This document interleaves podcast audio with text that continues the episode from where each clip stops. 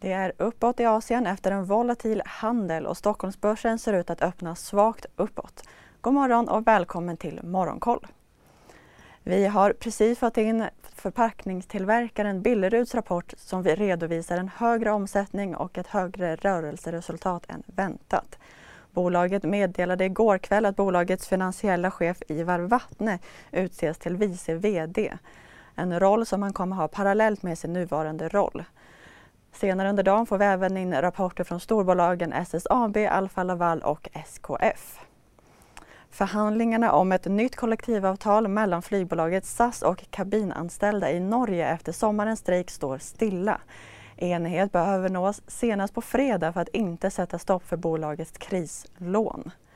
Och svenskt BNP väntas öka med 2,7 procent i år och minska med 1,1 procent nästa år. Det är enligt Swedbank konjunkturprognos. I Asien stiger Tokyobörsen drygt 1 procent. Shanghai och Shenzhen är upp en halv procent. Även Hongkongbörsen lyfter drygt en halv procent efter raset igår och flera techaktier återhämtar sig något idag efter gårdagens ras.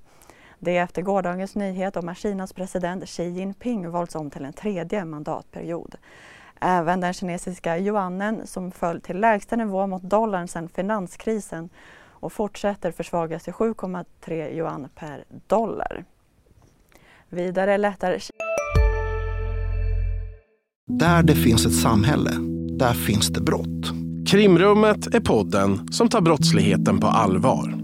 Jag bjuder in landets ledande experter och tar upp aktuella rättegångsfall för att begripliggöra den kriminalitet som kryper allt närmare. Du, alltså, du kan knäcka ett eller några gäng, men det kommer komma nya och så kan vi knäcka dem sen. Men att du ska knäcka allt forever, det kommer aldrig ske. Det är infinite gain. Lyssna på Krimrummet, en podd från Expressen med mig Kim Malmgren. Kinas centralbank på regler för att tillåta företag att öka upplåningen från utlandet, rapporterar Bloomberg. Samtliga ledande index i USA stängde upp runt 1% igår men flera kinesiska bolag som är listade i USA rasade tvåsiffrigt. Bland annat föll techbolaget Alibaba med mer än 12% och aktien handlas nu under noteringsvärdet från 2014. Även Pinduoduo föll 24,5 övrigt i USA märktes defensiva och konsumentnära bolag bland vinnarna. Bland annat lyfte Coca-Cola runt 3% inför rapporten som redovisas idag. Och på dagens agenda så fortsätter rapportfloden och bland annat så kommer ståltillverkaren SSAB med rapport där bolaget förväntas redovisa ett högre rörelseresultat än motsvarande kvartal förra året. Även verkstadsjätten Alfa Laval rapporterar och väntas presentera ett högre justerat ebitda-resultat för tredje kvartalet jämfört med samma kvartal 2021.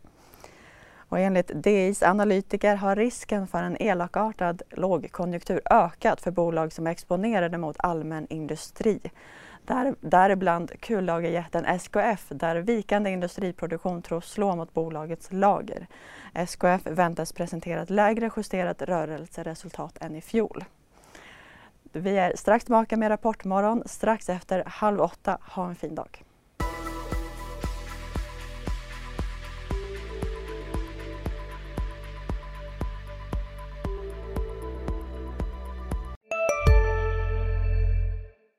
Vi är specialister på det vi gör, precis som du. Därför försäkrar vi på Swedea bara småföretag, som ditt. För oss är små företag alltid större än stora och vår företagsförsäkring anpassar sig helt efter firmans förutsättningar. Gå in på swedea.se företag och jämför själv. Hej, Synoptik här. Hos oss får du hjälp med att ta hand om din ögonhälsa. Med vår synundersökning kan vi upptäcka både synförändringar och tecken på vanliga ögonsjukdomar. Boka tid på synoptik.se.